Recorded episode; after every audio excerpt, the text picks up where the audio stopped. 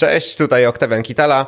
Witam Cię w wyjątkowym odcinku naszego podcastu Dziennika Budowy Firmy, ponieważ jest to już setny odcinek naszego podcastu, którego nagrywanie zaczęliśmy w maju 2020 roku.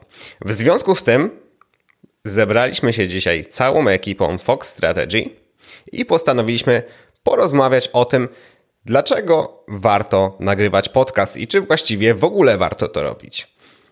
Przez następne 40 minut opowiemy Ci o tym, z jakimi wyzwaniami musieliśmy spotkać się na początku naszej drogi z podcastingiem oraz jakie finalnie wyciągnęliśmy z tego korzyści. Tym samym niejako podsumujemy nasze 2,5 roku pracy z dziennikiem budowy firmy i dokonamy tego, patrząc na nasz podcast okiem wszystkich nagrywających. To także doskonała okazja do tego, żeby podziękować wszystkim naszym słuchaczom. Dlatego, tak jak zazwyczaj mówię w drugiej osobie liczby pojedynczej, tym razem zwrócę się do Was wszystkich. Dziękujemy Wam w imieniu całej załogi Fox Strategy za pierwszą setkę odcinków, w której braliście udział razem z nami jako słuchacze. W ogromnym stopniu to właśnie dzięki Wam będzie nam niezmiernie miło kontynuować przygodę z naszym podcastem przez kolejne 100 odcinków. Tymczasem zapraszam Was do naszej rozmowy. Cześć, tu Ewelina. Cześć, tu Kasia. Cześć, z tej strony Oktawian. Cześć, z tej strony Ola. Cześć, z tej strony Dawid. Cześć, z tej strony Kamil. Hej, z tej strony Damian. Cześć, tu Agata. To jest podcast Dziennik budowy firmy według Fox Strategy. Jesteśmy już po 100 odcinkach Dziennika Budowy Firmy. Podcastu, którego nagrywanie zaczęliśmy w maju 2020 roku, więc to już ponad dwa lata. Jakie są Wasze największe, takie największe wnioski, też zalety tego, że zaczęliśmy nagrywać podcast? Same plusy. Same plusy. Myślę, że przede wszystkim się ośmieliliśmy bardzo mocno. Zwłaszcza widzę po, to po członkach zespołu, którzy do tej pory nie mieli doświadczeń z pewnymi wystąpieniami publicznymi, a tutaj nagle nagrywają dane podcasty, które są dalej szerowane, bardziej są rozpoznawalni w branży. Myślę, że to nam mocno pomogło. Tak, ja, tak, ja też myślę, że podcast był pionierski. No słuchajcie, zaczynaliśmy w momencie, kiedy podcasty wcale jeszcze nie były takie popularne. No z jednej strony jakby już się sporo o tym mówiło, ale mało która firma, przynajmniej z naszej branży, nagrywała podcasty, a tym bardziej całym zespołem. No właśnie, tutaj jest e, taki moment, w którym warto powiedzieć, że kiedy zaczynaliśmy nagrywać, to podcasty oczywiście były już bardzo popularne, ale rzeczywiście firmy jako firmy w zasadzie nie nagrywały podcastów, co teraz staje się coraz bardziej popularną formą, coraz bardziej popularnym kanałem. Co więcej, ja nadal nie obserwuję za wielu podcastów, które nagrywają zespołowo. Nawet mówiąc szczerze, nie wiem, czy znam jakikolwiek poza naszym, gdzie rzeczywiście cały zespół nagrywa podcast. I taki, który się utrzymał na rynku. Bo oczywiście wiele firm mogło zacząć, ale niekoniecznie skończyć. Tak jak my po dwóch latach setny odcinek. Właśnie, to jest w ogóle takie coś, że na początku, kiedy zaczynaliśmy nagrywać podcast, w ogóle jeszcze nie myślałem o tym momencie, tym, że dobrniemy do tego setnego odcinka. Ale właśnie zastanawiam się nad taką jedną rzeczą. Jak myślicie, dlaczego w takim razie nadal mamy tak mało podcastów, które są nagrywane przez zespół? Czy to wynika z jakichś wyzwań, obaw? Nagrywanie podcastu jest po prostu trudne, to nie ma co się oszukiwać. To za każdym razem, kiedy nagrywam, muszę się mierzyć z jakimś nadmiernym perfekcjonizmem. Potem okazuje się, że odcinki, które dopracowałam co do ostatniego słowa, wychodzą mniej naturalnie niż te, gdzie jak z pewnym takim niepokojem czytam transkrypcję odcinka, okazuje się, że zdania były niepełne i się tym irytuję. One są o wiele fajniejsze niż te, które były dokładnie zaplanowane, natomiast z tym trzeba się zmierzyć i to po prostu bywa trudne. Trzeba się przełamać też do nagrywania podcastu. I to jest ciężka praca, myślę, że dla każdego. No Nawet... bycie konsekwentnym to jest ciężka praca, żeby dowieść odcinek w całości, bo to nie chodzi tylko o napisanie transkrypcji, zrobienie sobie scenariusza, poszukanie informacji, ale także, żeby ten odcinek dowieść w całości, zrobić transkrypcję, cały mastering, obrobić to, przesłuchać. Także wydaje mi się, że to jest na tyle czasochłonne, że nie każdy jest w stanie podołać. No mi się wydaje, że właśnie regularność jest trudna, zwłaszcza w przypadku większej liczby osób, większego zespołu, gdzie każdy e, nagrywa coś, no to tutaj ciężej to wszystko spiąć i utrzymać taką regularność. Rzeczywiście myślę, że kiedy nagrywamy podcast solo albo nagrywamy podcast w duecie, to dzięki temu, że będziemy mieli taką regularność nagrywania, że każdy nagrywa co tydzień lub co dwa tygodnie, to o wiele łatwiej będzie mu wyrobić w sobie takie umiejętności związane z nagrywaniem podcastu, niż kiedy nagrywamy całym zespołem i na jedną osobę przypada odcinek co dwa lub trzy miesiące. Więc to rzeczywiście na pewno wtedy dla takiego podcastu zespołowego jest to większe wyzwanie przez tą mniejszą regularność. Ale skoro już i tak przeszliśmy w ogóle do wyzwań, a o nich mieliśmy pogadać później, to chciałbym zapytać Was, jakie były właśnie te pierwsze wyzwania, jakie były te pierwsze obawy, y, jakie były te pierwsze trudności, które powodowały, że nagranie pierwszego odcinka było taką barierą, którą trudno było przeskoczyć. Bo umówmy się, widziałem w zespole i ja też to czułem, że pierwszy odcinek był czymś takim naprawdę dla nas, jak się za to zabrać? Aha, to jest mikrofon, to się tu podłącza. To ja może powiem od siebie. U mnie problemem była dykcja. Za, zawsze mówię niewyraźnie. Jakoś dla mnie to nigdy nie był problemem. W końcu ktoś mnie zrozumie na samym końcu, prawda? Czy to napisze SMS-a nawet.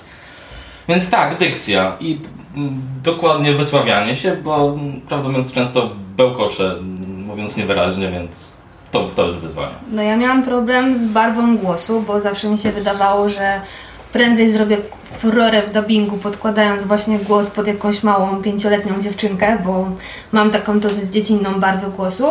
I to mnie troszeczkę spinało na początku, ale gdzieś tam jak zaczęłam szukać informacji, przygotowywać się do tych odcinków, to stwierdziłam, że to jest dla mnie idealne takie wyjście z szafy, żeby pokazać i skupić się na merytoryce, a nie, że nie wiem, brzmię czasami jak pięciolatek. No i też pozwala mi to e, pracować bardzo mocno z głosem i z oddechem. I dla mnie to był bardzo duży plus.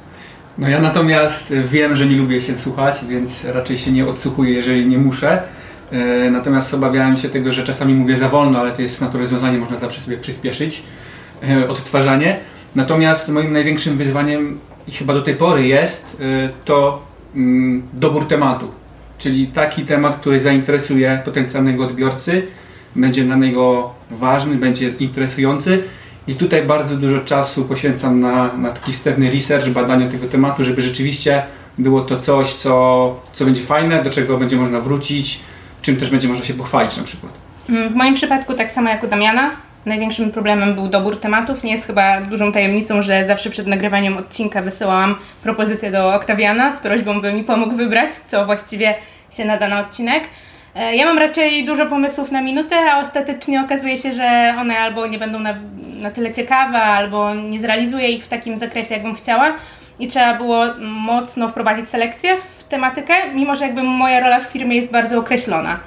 Rzeczywiście, jeśli pamiętacie, jak organizowaliśmy nasze pierwsze takie większe spotkanie, kiedy układaliśmy harmonogram podcastu, to łatwo było zauważyć coś takiego, że ułożyliśmy bardzo dużo propozycji tematów, ale kiedy już razem poddawaliśmy je wspólnej ocenie, to okazało się, że zachowaliśmy z nich może około 1 czwartą, mhm. coś koło tego, co dosyć fajnie pokazało, że istnieje taka pułapka, na którą warto zwrócić uwagę, że to, co nam się wydaje ciekawe i interesujące, niekoniecznie później może okazać się interesujące dla naszego słuchacza. My mieliśmy duży problem z wyjściem z klątwy wiedzy, dlatego że nam się wydawało, że to, o czym chcemy opowiadać, jest takie bardzo interesujące. Wchodziliśmy w jakieś mocne technikalia, a gdy analizowaliśmy to, czego potrzebuje nasza grupa docelowa, to okazywało się, że musimy wrócić do tych podstaw, które wydawało nam się, no wszyscy wiedzą. No nie, my wiemy, a nie wszyscy nasi słuchacze. I to było pewnego rodzaju wyzwanie. Podobnym wyzwaniem, myślę, jest to mierzenie się z własnym głosem. Ja też, tak jak Damian, nie odsłuchuję się zazwyczaj, natomiast kiedy montuję odcinek podcastu, to nie mam wyjścia. I za każdym razem jestem w pewien sposób zszokowana, jak brzmi mój głos, bo ja go wewnętrznie słyszę zupełnie inaczej, a zupełnie inaczej słyszą go inni. I to są takie, myślę, standardowe problemy, z którymi każdy będzie się mierzył. Plus do tego próg wejścia jest naprawdę wysoki. Ja pierwszy odcinek podcastu, taki samodzielny, nagrywałam trzy dni i to był taki powód mojej frustracji, że teraz jak robię to w ciągu dwóch do czterech godzin, to myślę sobie, że jednak progres jest zauważalny. Natomiast ten perfekcjonizm jest trudny. Ja nie ukrywam, że po pierwszym odcinku zastanawiałam się, czy będę dalej nagrywać, bo zajęło mi to bardzo długo. Wycinałam milion jakichś takich drobnych fragmentów, które mi się nie podobały, bo wydawało mi się, że brzmi to nienaturalnie. Potem się okazało, że właśnie ten luz jest bardziej naturalny i właśnie niewycinanie ewentualnych jakichś takich e, przejęzyczeń brzmi nawet czasami lepiej. E, I to też musiałam się tego nauczyć, że to nie świadczy o tym, że nie mam do przekazania równie wartościowej wiedzy, tylko po prostu e, nie zawsze warto iść na przykład pod sztywny schemat albo pod jakieś sztywne, przygotowane wcześniej wypowiedzi. Tak, mi pierwszy odcinek też za dwa dni robocze zajął nagrywanie. Natomiast potem już przy kolejnych odcinkach coraz bardziej widziałem na co zwracać uwagę, bo jak się męczyłem praktycznie cały dzień, żeby to pociąć i e, obrobić z jakichś różnych dziwnych rzeczy, to potem coraz bardziej też zacząłem zwracać uwagę na to, na to co mówię, jak mówię, żeby mniej się męczyć przy, przy obróbce tego materiału. Natomiast przyzwyczajenie się do swojego głosu to to do tej pory nie przepadam za słuchaniem swoich odcinków. No to chyba, chyba, chyba wszyscy tak mają. Chociaż ja myślę o tym, że ja na początku to byłam taką sprzętową lamą i zaczęłam sobie gadać, potem sprawdzałam, czy się jednak nagrywa i tak, żeby tego jednak nie powtarzać, bo miałam flow i już tego tak nie powiem. Ale potem już odpuściłam i nagrywanie szło maksymalnie szybko. Natomiast ten moment mozolnej obróbki, wycinania, to mi zawsze zajmowało wiele więcej czasu niż samo nagranie. I od tego czasu jakby nie znoszę tego moderować, nagrywać z przyjemnością, ale gdyby ktoś to ode mnie już wziął i zrobił za mnie, to byłoby super.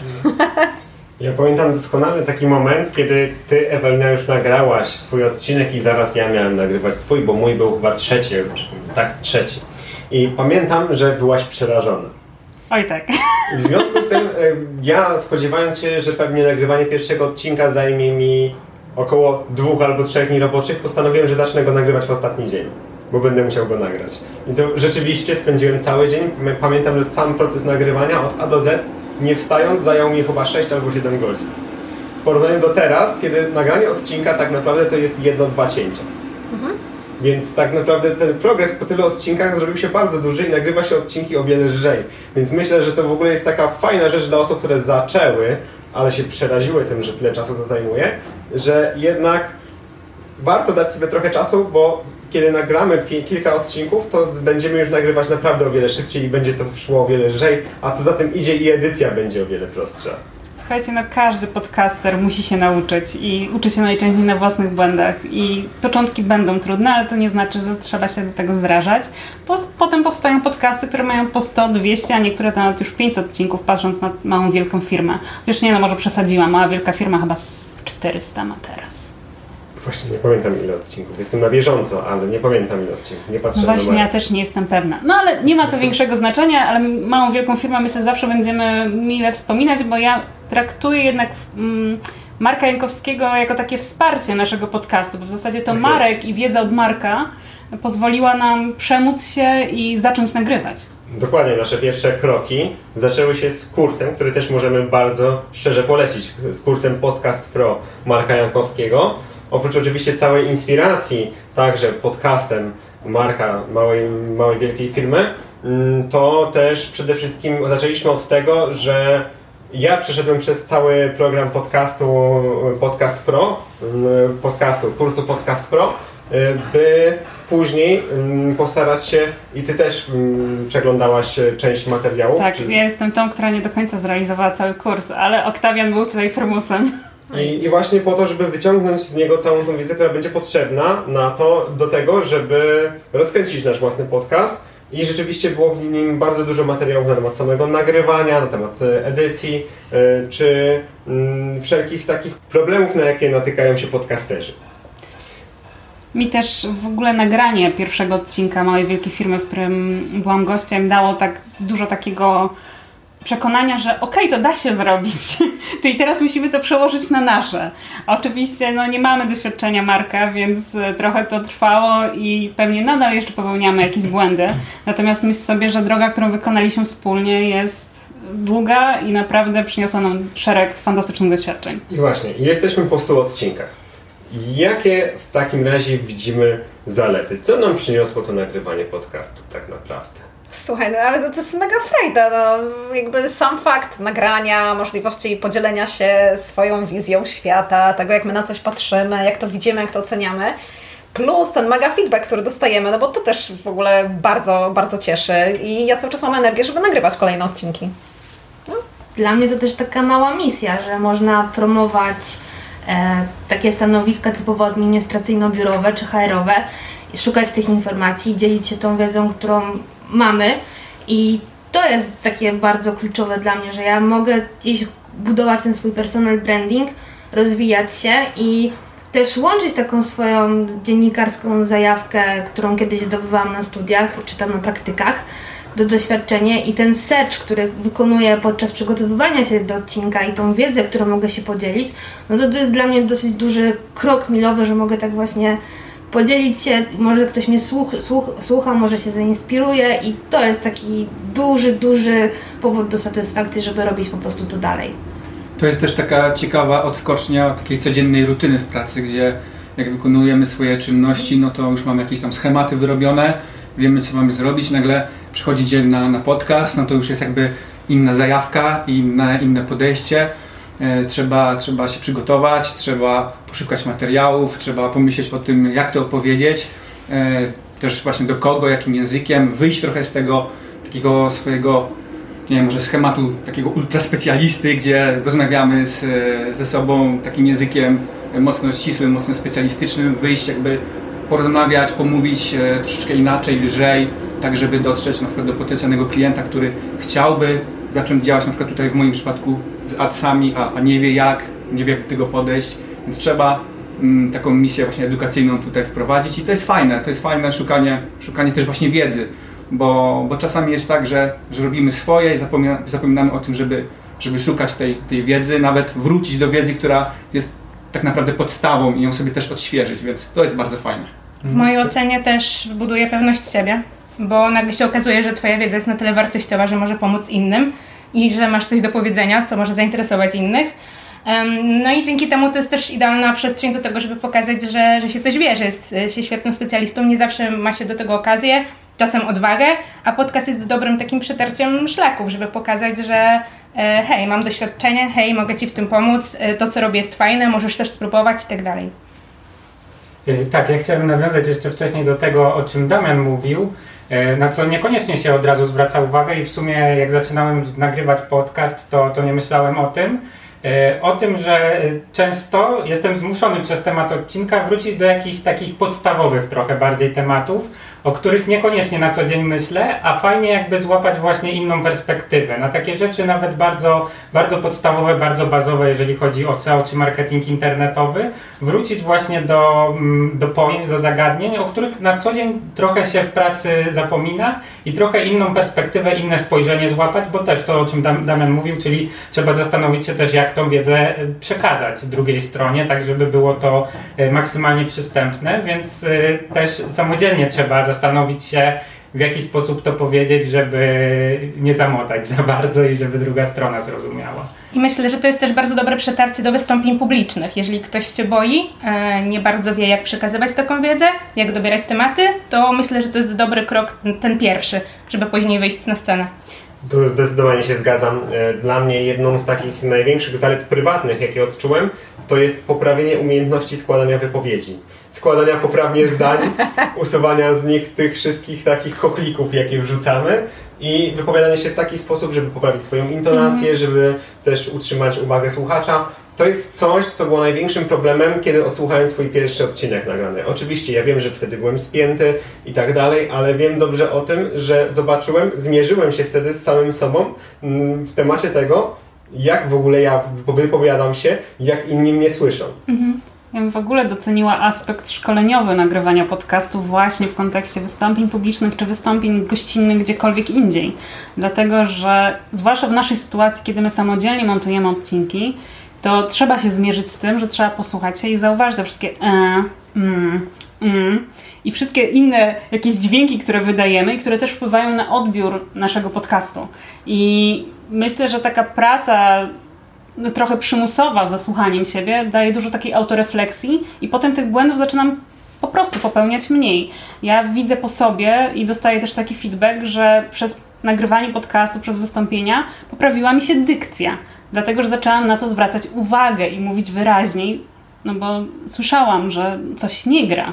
I chcąc nie chcąc wdrażamy takie poprawki w swoich wystąpieniach, w swoich przemowach, tylko dlatego, że słyszymy, że coś nam nie zagrało. Mm, ja jeszcze widzę jedną zaletę, która jest pewnie mniej oczywista. E, ja akurat uwielbiam montować i zdałam sobie sprawę, że mnie to bardzo uspokaja.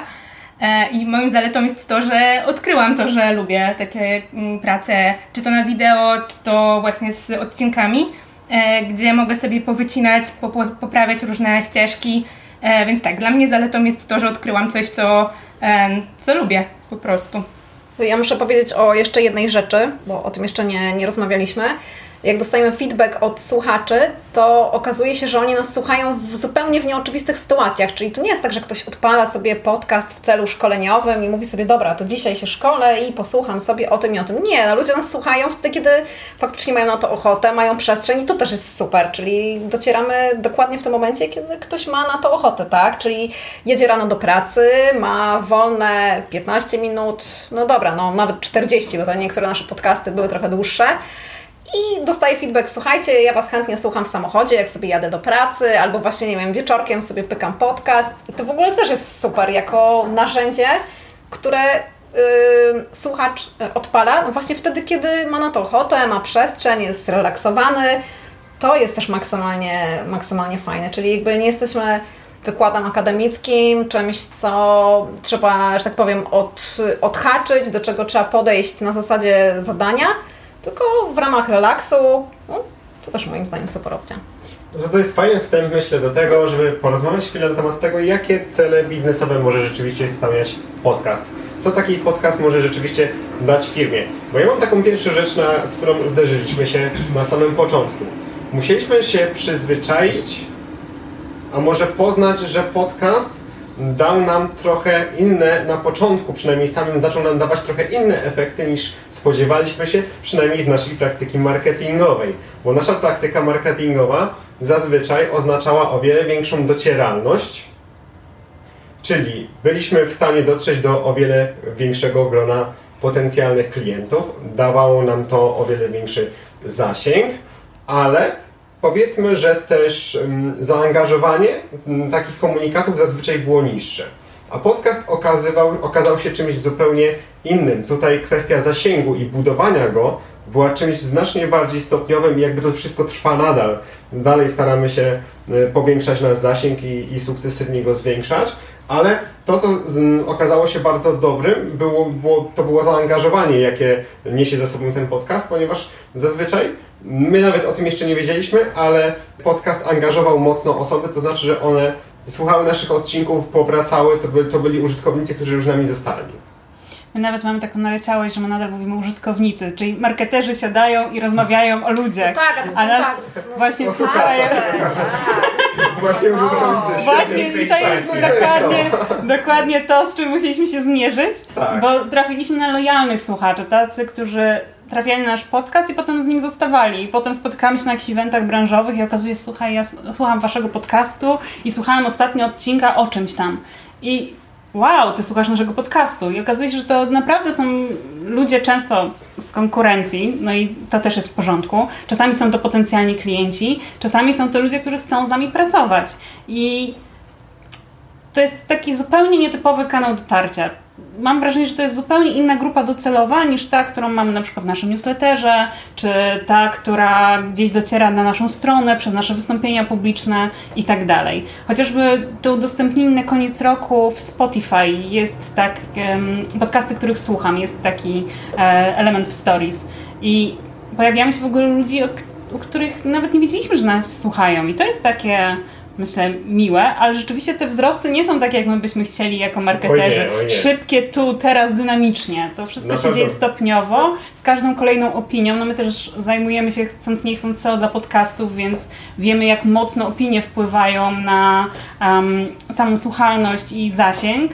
Do tego, no myślę, że startowaliśmy z, trudnego, z trudnym podcastem, dlatego że w momencie, kiedy nagrywa się podcast samodzielnie, to buduje się lojalność wobec jednej osoby. Tutaj budujemy lojalność wobec całego zespołu. Też nie wszystkim to musiało odpowiadać, a okazało się, że to podejście się sprawdziło.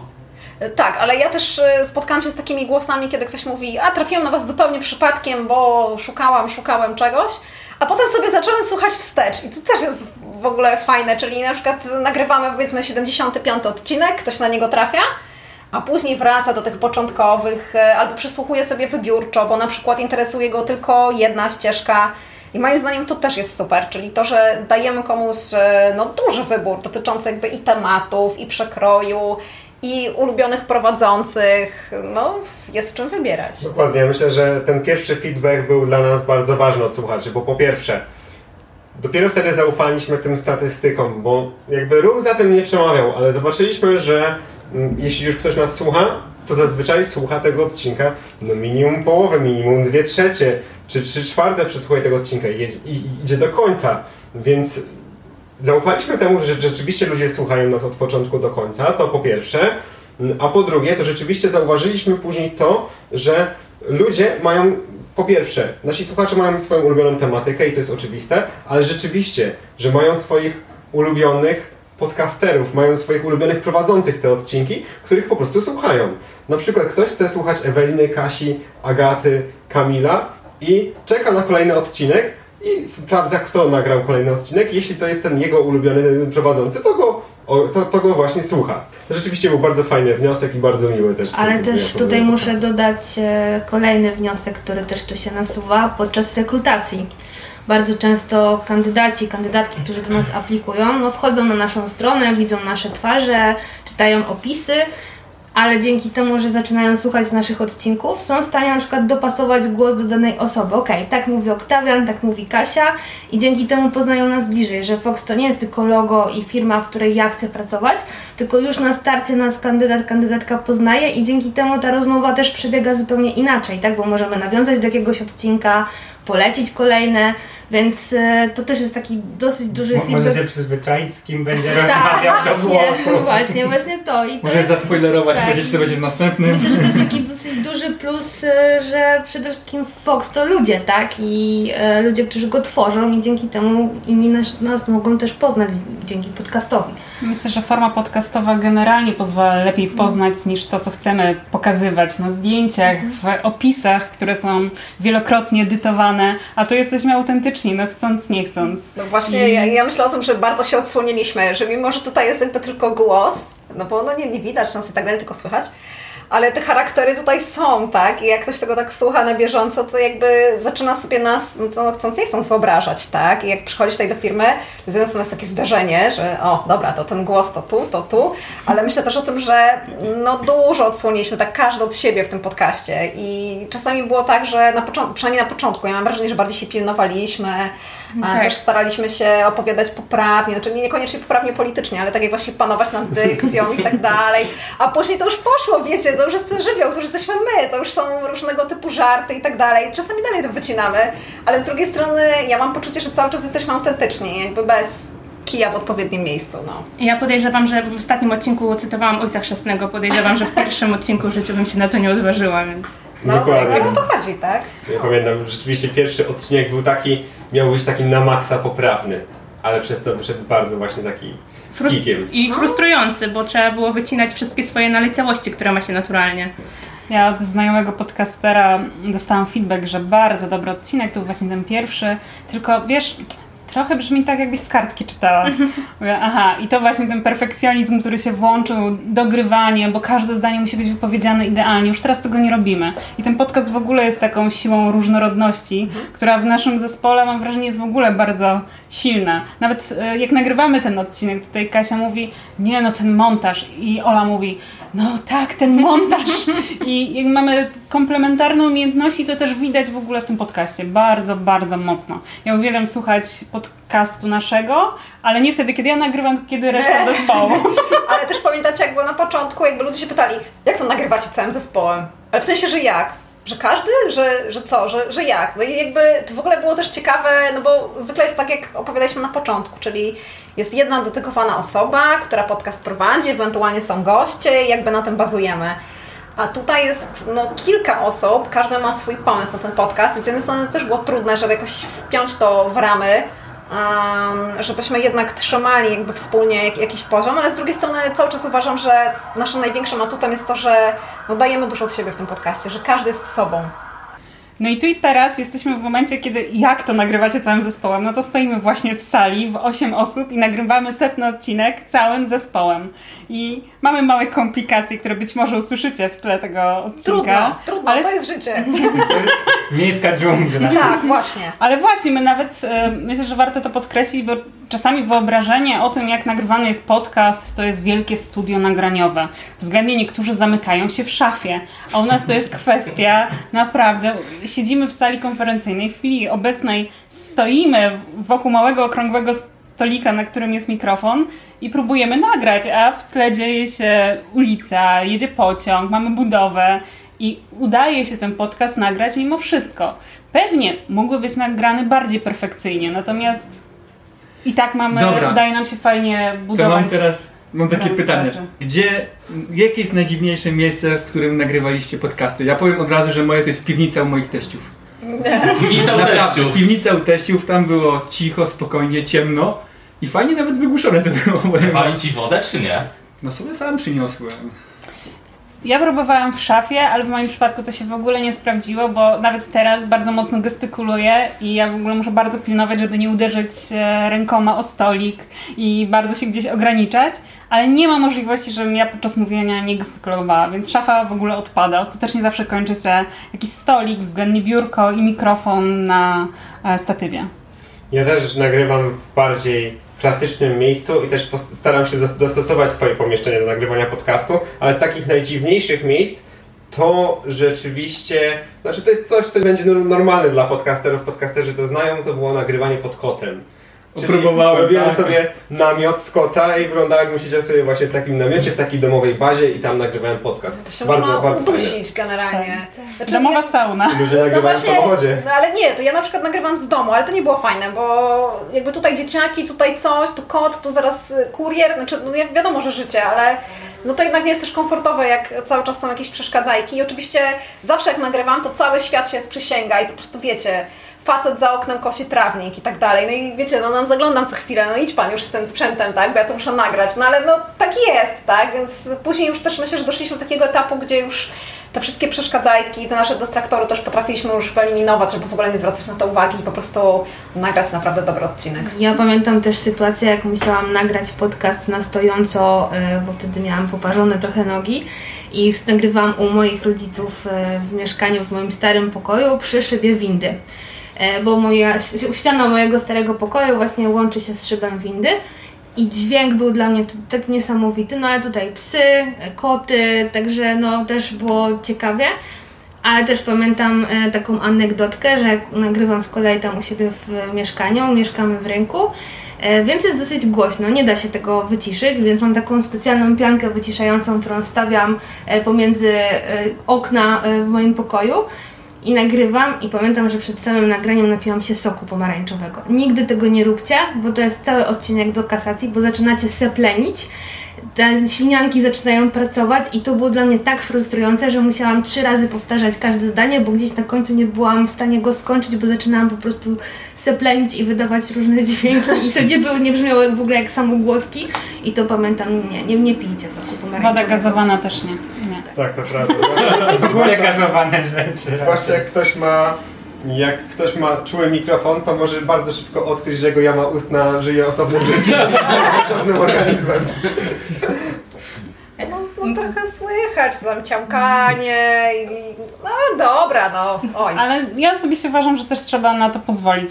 Ja miałam przyjemność nagrać kilka odcinków na żywo i jeśli dobrze pamiętam, to podczas rozmowy z Anią Ledwoń-Blachą zapomniałam zamknąć okna, a my mamy biuro tuż koło szkoły i dzieci wybiegły na przerwę. Końcówka odcinka dosłownie działa się z dziećmi na boisku, które naprawdę wydawały bardzo różne dźwięki. Nie wiem, co tam się działo, natomiast no, jakoś musieliśmy sobie z tym poradzić i Myślę, że to też dodaje pewnej naturalności. Oczywiście ten dźwięk musi być wystarczająco dobrej jakości, żeby dało radę go odsłuchać, żeby odcinek był po prostu zrozumiały. Natomiast niektóre takie akcenty humorystyczne też są mile widziane w podcaście. Ta naturalność po prostu jest lepsza niż szukanie na siłę bardzo cichego miejsca, gdzie bardzo wyraźnie będzie się mówić i bardzo sztywno, czyli wyjęcie tego przysłowiowego kija z miejsca takiego ciemnego. Możesz to powiedzieć. Możesz, możesz. Piwnicy moich teściów. Nasi, nasi słuchacze są dorośli, możesz to powiedzieć. E, Ja podejrzewam, że u mnie na każdym odcinku i tak słychać e, tupanie e, psich łapek o panele. Nie jestem w stanie zapanować nad psem za każdym razem jak nagrywam. Ona ma chodzone. E, Raz nagrywałam pod stołem z tego tytułu, żeby po prostu móc ją łatwo głaskać w trakcie nagrywania. I jest odcinek, który dosłownie cały nagrałam głaszcząc psa, żeby nie chodziła po, po pokoju. Okej, okay, czyli masz patent. Co więcej, my się sami nie potrafimy czasami zdyscyplinować. Ile razy było tak, że ja nagrywałam odcinek podcastu, a któryś z kolegów z pracy na przykład stał mi pod drzwiami i rozmawiał przez telefon. No, takich historii też było sporo. Nawet przy nagrywaniu może nie podcastu, ale kursu. To przecież ty, Oktawia, miałeś historię, kiedy um, osoba z administracji budynku weszła ci po prostu w trakcie nagrywania i mamy nagraną rozmowę Oktawiana tak, ja przez też drzwi. Więc takie rzeczy się zdarzają i trzeba się uzbroić w cierpliwość i z tym żyć po prostu. To musimy sobie taką lampkę zamontować, jak na prześwietlenie Ale karty gier. Tak, no ale jest kartka, że Która- uwaga. tylko, że ona wisi cały czas. Nie, więc jak coś jest zawsze, to już nie działa. Tak, ja wy- wyjaśnię może, że na drzwiach mamy kartkę, na której jest napisane, że uwaga, trwa nagrywanie i twój głos może zostać usłyszany podczas nagrywania podcastu względnie kursu. Ta kartka ma już dwa lata. i- Tak, tak mi się od dwóch lat. No tak, ale to jakby idąc tym tropem wychodzi na to, że ciągle mamy gości w podcaście, jakby świadomych albo nieświadomych, ale no zdarzają się. Ale to już padło przynajmniej takich kilka kwestii, które pokazują, że nagrywanie podcastu z zespołem to potrafi być naprawdę hardcore też. Tak. Czyli też od strony właśnie takiej organizacyjnej, zapewnienie sobie spokojnego miejsca, czy też w ogóle organizacja, kolejność odcinków, wszelkie działania typu edycja, montaż, terminy w tej kwestii, czy, czy właśnie kto w ogóle bierze mikrofon ze sobą do domu lub kto zajmuje pomieszczenie do nagrywania.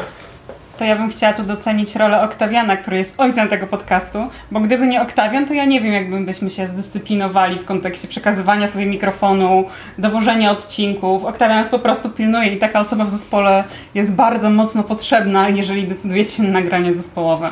Znaczy ja rzeczywiście bym wskazał to, że jeśli ktoś z naszych słuchaczy by chciał nagrywać podcast zespołowy, to na pewno musi być osoba, która będzie te działania spinać. To rzeczywiście myślę, że to jest minimum, inaczej bardzo łatwo się zagubić. Być może w dwie, trzy osoby jeszcze jakoś idzie to sobie tak ogarnąć, że będziemy sobie przekazywać mikrofon, a to ja dzisiaj sobie nagram odcinek, e, a to ja nagram sobie odcinek jutro, a to dzisiaj nagramy razem, ale ogólnie rzeczywiście to bardzo ważne jest to, żeby sobie najlepiej w ogóle założyć jakąś platformę albo jakieś narzędzie, w którym będziemy sobie prowadzić cały harmonogram. Nawet minimum jakiś sheets czy ar- arkusz w Excelu. E, dlatego, że żebyśmy sobie robili harmonogramy, w których będziemy tworzyć listy odcinków, które będziemy nagrywać, kto je będzie nagrywać, do kiedy ma dostarczyć odcinek, do kiedy ma wykonać montaż i każdy ten etap najlepiej jest sobie śledzić z tego względu, że bardzo łatwo o pewne opóźnienia. A kiedy pojawiają się opóźnienia, to bardzo łatwo o to, że odcinek podcastu nie wyjdzie na czas. I to też prowadzi do kolejnego wniosku, zawsze warto sobie robić zapas odcinków. Ale ja bym tutaj też wskazała na jedną zaletę, bo w sytuacjach dosyć trudnych, ja miałam co najmniej dwie takie sytuacje, że wszedł odcinek za mój, ja mogłam nagrać z dłuższym deadline'em, dlatego właśnie, że nagrywamy zespołowo, mamy pewien zapas i Oktawian zrobił mi tą przyjemność i przysługę, że zamienił kolejność odcinków. Więc owszem, to wymaga większej dyscypliny, ale ostatecznie tą siłę zespołu też się tutaj czuje, bo nie jest się samemu z tym podcastem. Ja myślę, że najłatwiej, najmocniej poczuliśmy to po około 50 odcinkach. Wtedy już tak to wszystko zaczęło już, poszło już takim naturalnym torem. Tak to znaczy, płynnie. że właśnie płynnie. Ja teraz na przykład mam taki wniosek, że pojawił się mały problem między 95 a setnym odcinkiem, ale właśnie dlatego, że dobijamy do tej setki i czeka nas kolejna setka i mnóstwo spraw organizacyjnych wokół tej drugiej setki. Ale co do tej pierwszej setki, po 50 odcinku to już szło tak naturalnym torem, że jak ktoś wiedział, że ma swój odcinek, to już sobie sam ustalał mniej więcej kiedy go nagra.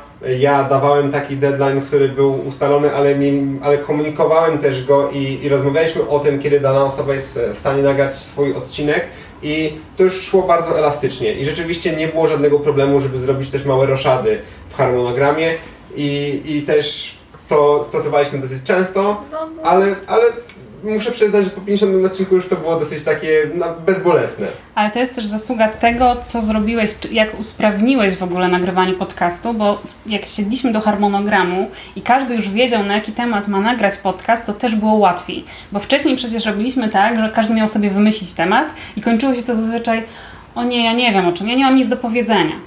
A kiedy mamy narzucony z góry temat, no to okazuje się, że no dobra, no to nie ma wyjścia, to trzeba o tym opowiedzieć, siąść, opowiedzieć, zaplanować i nagrać. i jakoś to idzie po prostu sprawniej, ale to właśnie ty usprawniłeś to po 50 odcinku bardzo mocno. Spodobała mi się jedna rzecz, że kiedy planowaliśmy nasz harmonogram, to każdy dodawał tematy, które potencjalnie mogłyby interesować naszego słuchacza. Ale uwaga, nie tylko tematy, które on chciałby nagrać. Ale na przykład ja bym bardzo posłuchał od Oli, czym jest content marketing, jak wpisać skuteczne treści. I mogliśmy się dowiedzieć o tym, że ktoś chciałby usłyszeć od drugiej osoby coś bardzo ciekawego, co ta osoba, być może będąca właśnie w klątwie wiedzy, wcale nie chciała o tym opowiadać. I to znowu jest ta siła zespołu, nie? I Tak takie jest. wzajemne wsparcie siebie nawzajem. No bo nie powiedzieliśmy jeszcze o tym, jak, w jakich bólach powstawał cały proces. Y, Ja myślę, że to też jest ważne, żebyśmy o tym trochę opowiedzieli, bo na początku faktycznie, znaczy nie mogę powiedzieć, że nagrywaliśmy to na spontanie, bo nie, jakby mieliśmy wymyślony plan i tak dalej, ale musieliśmy go wielokrotnie szlifować, tak żeby nie zgubić czegoś po drodze. No bo tak jak już wspomnieliśmy, jakby samo nagranie to jest tylko jeden z tych elementów, które, które są niezbędne.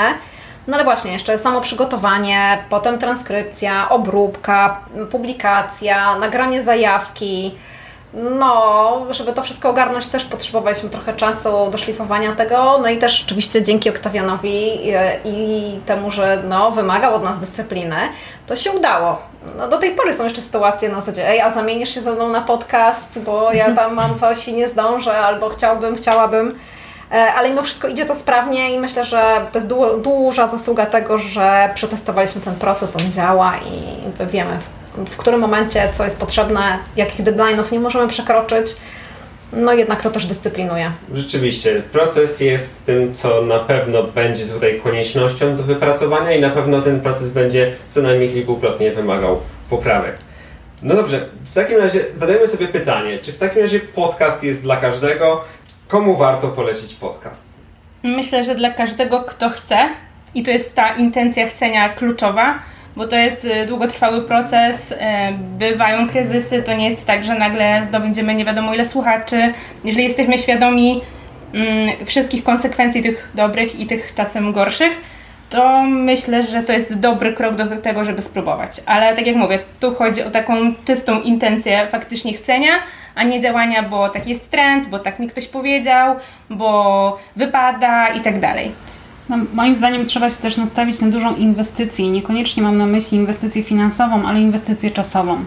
I to, co jest pewną przewagą naszego zespołowego podcastu, jest to, że ta praca rozkłada się na 8 teraz osób nagrywających, a mam nadzieję, że niedługo więcej. Mm, Natomiast gdybym miała sama nagrywać podcast, to myślę, że bym się na to nie zdecydowała. Prawdopodobnie ten nakład czasowy, który musiałabym poświęcić na przygotowanie odcinka, który wychodzi co dwa tygodnie, to byłoby dla mnie za dużo. Więc też podjęcie decyzji o samodzielnym nagraniu podcastu, no myślę, że no jest wyzwaniem, ale Oktawian taką decyzję przecież podjął i może też opowiesz za chwilę coś o swoich doświadczeniach. No, zdecydowanie wydaje mi się, że to jest jakby kolejny etap planowania swojej działalności na przykład w firmie, prawda? Że jeżeli prowadzimy firmę, to wiadomo, że, że potencjalnie mamy klientów, potencjalnie mamy do kogo, do kogo mówić, yy, sprzedajemy swoje produkty i teraz wszystko zależy na jakim etapie jesteśmy. Jeżeli mamy zasoby czasowe, to możemy się pokusić o to, żeby, żeby taki e, podcast nagrywać. Jeżeli ma, mamy zespół, który jest chętny, to jest jeszcze, jeszcze lepiej. Natomiast zasadniczo no, no warto przemyśleć priorytety, co jest na nas na, najważniejsze w danym momencie, w momencie prowadzenia firmy i po prostu sobie ustalić, że jak nie teraz, to może w przyszłości, prawda? Więc takie jest moje, takie jest moje zdanie na ten temat, ale ja osobiście gorąco zachęcam do tego, żeby chociaż spróbować, e, bo raz, jeżeli, ja już, ja tutaj mówię jakby tak z perspektywy osoby, która prowadzi firmę, e, i chciałaby dotrzeć e, ze, swoim, ze swoją wiedzą, ze swoim produktem, usługą do, do innych, innych ludzi, e, do potencjalnych klientów, do słuchaczy zainteresowanych tematyką, nawet jeżeli, jeżeli to jest jakaś niszowa rzecz, no to wtedy my jako, jako właściciele biznesu jesteśmy w stanie jeszcze lepiej poznać swojego klienta i to na pewno ta wiedza przekuje się na inne obszary e, prowadzenia firmy. Więc chociażby z tego powodu, że, że odrabiamy tą podstawową lekcję, kim jest mój klient, bo przecież muszę do niego dotrzeć z odpowiednim przekazem, formą, treścią, to już robi dla nas dużą robotę. Tak pomijając już sam podcast.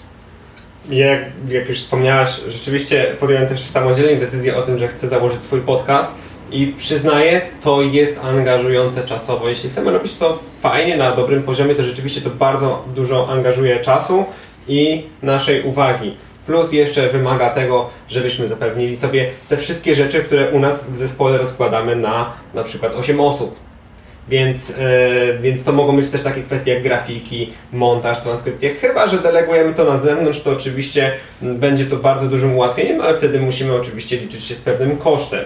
Ja myślę, że w ogóle Ola bardzo dobrze też podsumowałaś całą kwestię tego, dla kogo jest podcast, kiedy warto zacząć nagrywać podcast. Ja podsumowałbym to w ten sposób, że jeśli naprawdę chcemy, to spróbujmy rzeczywiście, bo spróbować możemy nawet zacząć od jakiegoś bardzo prostego urządzenia nagrywającego. Możemy sobie zacząć nawet nagrywać na, na naszym smartfonie ze słuchawkami, który posiada mikrofon. I możemy w ten sposób zacząć trenować nasze pierwsze odcinki, nasze pierwsze wypowiedzi, wypuszczać nawet jakieś krótkie formy typu 5 minut na jakiś temat. Powstają takie też bardzo fajne podcasty, które są taką krótszą formą i one mogą być fajną formą na początek, żeby sprawdzić, czy rzeczywiście podcast jest dla nas. Ja myślę, że nie warto brnąć za takim trendem, co, co prawda teraz takim głównym trendem to bardziej jest TikTok Reels, czyli właśnie krótka forma wideo, ale mimo wszystko dalej podcasty są czymś bardzo popularnym i myślę, że nie warto brnąć za takim trendem, że muszę nagrywać podcast, bo nie wiem, moja, mój konkurent zaczął nagrywać podcast, bo wszyscy w mojej branży nagrywają podcast. Myślę, że nie warto brnąć w takie coś, jeśli na przykład my czujemy, że mamy bariery komunikacyjne i niekoniecznie w ogóle chcemy sobie z nimi jakoś poradzić. Jeśli ktoś na przykład czuje, że dla niego celem byłoby poprawienie swoich umiejętności komunikacyjnych albo ma je dobre i jednocześnie chce mówić do ludzi, chce edukować, chce mm, inspirować, chce dostarczać różne wartości e, dla swojej grupy odbiorców, to wtedy uważam, że podcast jest naprawdę bardzo dobrym rozwiązaniem i taka osoba ma bardzo duże szanse utrzymać swoją motywację przez dłuższy okres. Tak, ja bym jeszcze na koniec dodała, że niekoniecznie ta motywacja musi oznaczać regularne odcinki, bo znam też szereg podcastów, które albo pojawiają się jako konkretne edycje. To na przykład nienazwany podcast Damiana Sałkowskiego w ten sposób funkcjonuje, gdzie jest edycja z ilomaś tam, y, z kilkoma odcinkami i potem chwila przerwy. Tak samo robi zwierz popkulturowy. Więc jest tutaj dużo możliwości nieprzywiązywania się do takiego nagrywania co tydzień czy co dwa tygodnie. Bo dla mnie to jest pewnego rodzaju wadą, natomiast można podjąć decyzję inaczej i można dostosować też harmonogram, harmonogram podcastu pod swoje potrzeby. I myślę, że jeżeli ktoś chce zacząć, trochę boi się tego, to może niech spróbuje w ten sposób.